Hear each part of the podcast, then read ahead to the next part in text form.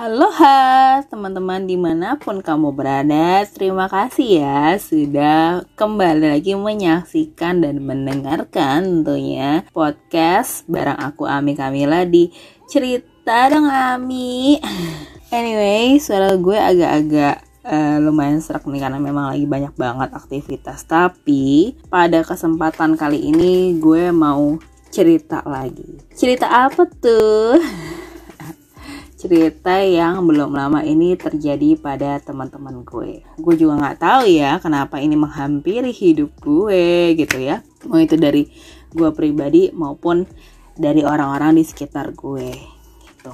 Ya, jadi hari ini tepatnya sih ya ada teman gue yang kena cyberbullying gitu ya seorang public figure yang memang bukan kesalahannya beliau menurut gue gitu. Bahkan cyberbullying itu terjadi karena orang lain gitu. Karena orang lain yang menyampaikan tidak secara gamblang kemudian dipelintir lah atau e, dipersepsikan salah mispersepsi oleh orang lain. Nah sebelumnya juga salah satu teman gue juga kena cyberbullying tapi karena e, kontennya gue klarifikasi ke beliau beliau sendiri yang membuat terus kemudian memang beliau mengakui ada kesalahan jadi gue nggak terlalu ambil pusing. Tapi untuk yang ini kayaknya hati gue bercerita gitu ya. Ketika gue dapet gue ngeliat sendiri gue tahu banget nih orang betapa baiknya gitu ya. Terus kena saya berbullying dari orang lain. Well gue jadi pengen bagi cerita ke kalian uh, apa sih yang harusnya kita lakuin sebagai teman kan di sini posisinya gue tahu ya dia dibully berarti kalau dalam skema cyberbullying berarti gue adalah bystander nah sebenarnya fungsi bystander tuh keren banget dan memang bisa menjadikan ini tuh uh, apa ya kayak penguat dari orang-orang yang kena kayak gini. Jadi lo sebagai bystander lo jangan pikir ya udahlah bodo amat gitu. Men, temen lo lagi kayak gitu. Bystander itu adalah penentu temen lo bisa survive apa enggak menghadapi si cyberbullying. Oke, okay, tips yang pertama, kalau lo memang into di dalam topiknya, lo bisa jadi bystander yang speak up kalau lo memang ngerti sedalam-dalamnya topik itu dan lo misalnya dia dibully karena ada kejadian di mana kejadian itu ada lu juga di situ. Lo bisa speak up kalau memang lo rasa teman lo benar gitu. Itu yang pertama. Yang kedua, kalau lo sebenarnya tidak tahu the real condition, tapi lo tahu temen lo tuh orangnya baik banget. Lo bisa lakuin pertama adalah check and recheck check and recheck itu lo nggak harus kayak komen di bawah fotonya nggak usah tapi karena lo udah kenal belajarlah untuk tabayun tanya aja sebenarnya apa sih yang kejadian gitu ya kalau bisa sih kayak gini gitu bahkan yang menariknya teman gue nggak tahu kenapa tiba-tiba dia dihujat. Pas yang ngasih tahu juga orang lain bahwa oh gue dihujat karena ini gitu.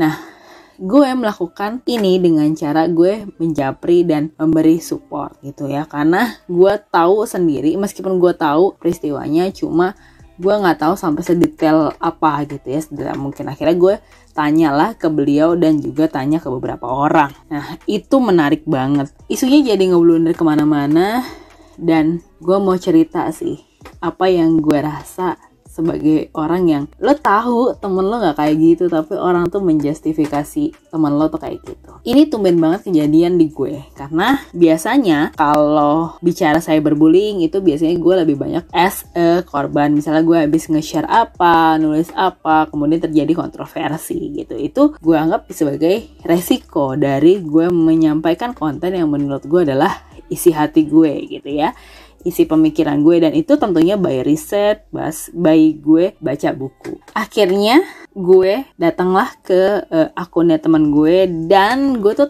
tipe-tipe netizen yang agak nge-skip komen-komen ya di akunnya teman gue.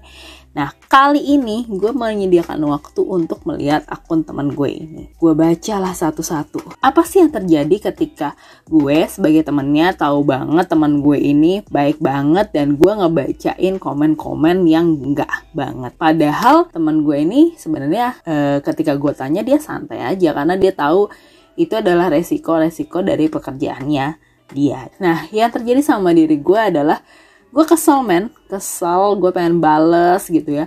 Gue pengen bilang sama semua orang yang ada di dalam situ bahwa hey lu nggak kenal dia jadi lu nggak bisa justifikasi itu.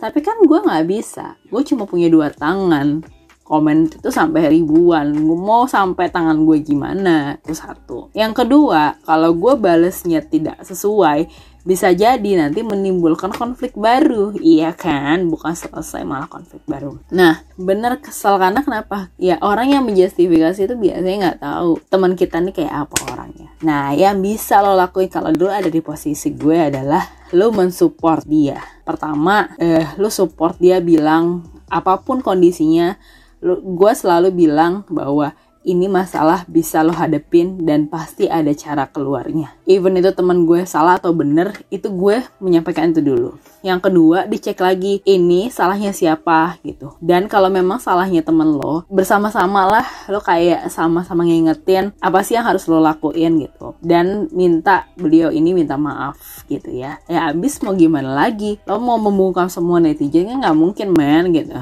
Kalau teman lo bener, dan lo berani tadi kalau lo tahu bener bener bener banget peristiwanya lo speak up. Speak up itu membantu lo bilang ke temen lo bahwa hey you are not alone. Gue bareng sama lo kok. Tapi kalau lo posisinya di gue gue tahu sih tapi nggak sampai detail banget masalah itu. Gue berusaha cari tahu dan cukup banyak teman-teman yang akhirnya ngasih tahu memberi penjelasan dan gue karena ini ngeblunder banget dan atas dasar juga kita ngobrol gue akhirnya melakukan support dalam bentuk gue DM ke temen gue, gue chat personal via WhatsApp, terus kemudian di grup-grup yang ada dia, kita sama-sama support. Balik lagi men, mau sebesar apa pun namanya dibully orang, dikata-katain orang, dihina, diancam tuh nggak ada yang enak men gitu ya. Even dia juga benar, even bukan dia yang melakukan omongan itu nggak ada sangkut pautnya, bahkan udah diklarifikasi pun jadi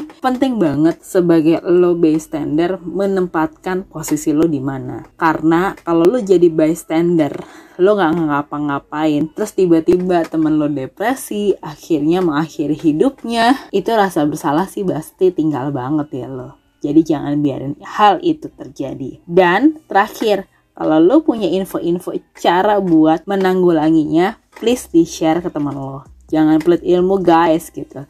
Karena kita nggak tahu hidup kita hari ini esok kayak gimana ya kan? Bisa jadi hari ini teman kita. Well kita nggak tahu apa yang terjadi sama kita besok jadi kalau kamu jadi bystander ambil peran kamu dan gunain kesempatan itu untuk bantu teman kamu mendapatkan solusi yang terbaik dari masalahnya. Sekian cerita gue hari ini.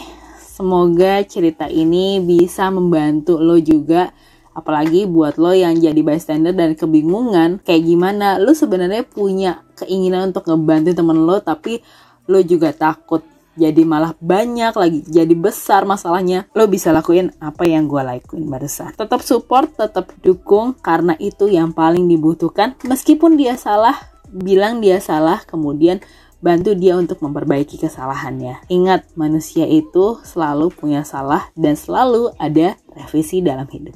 Sekian cerita dong Ami bersama gue Ami Kamila. Ketemu lagi di cerita dong Ami berikutnya. Thank you teman-teman.